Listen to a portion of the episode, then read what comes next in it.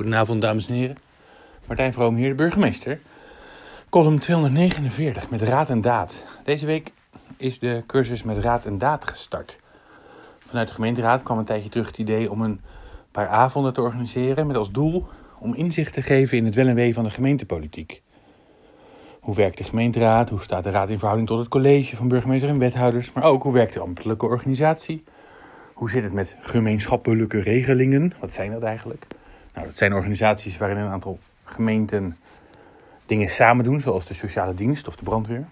Ik vond het een heel leuk plan. En ja, toen dachten we, ja, dat kunnen we inkopen bij een bureau dat het vaak doet. Ik krijg allemaal offertes ook elke keer van.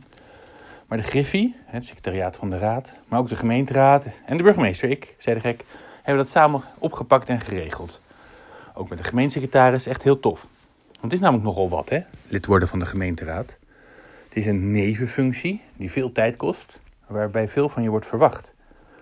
En als je weet hoe dat allemaal werkt, dan kun je beter de keus maken om jezelf kandidaat te stellen. Want dat is dit najaar echt het geval. Hè? De kieslijsten van gemeenteraadsverkiezingen voor maart 2022 worden gemaakt.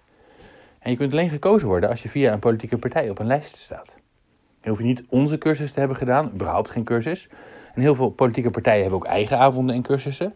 Dus lijkt het je wat, gemeentepolitiek, laat je dan vooral goed informeren.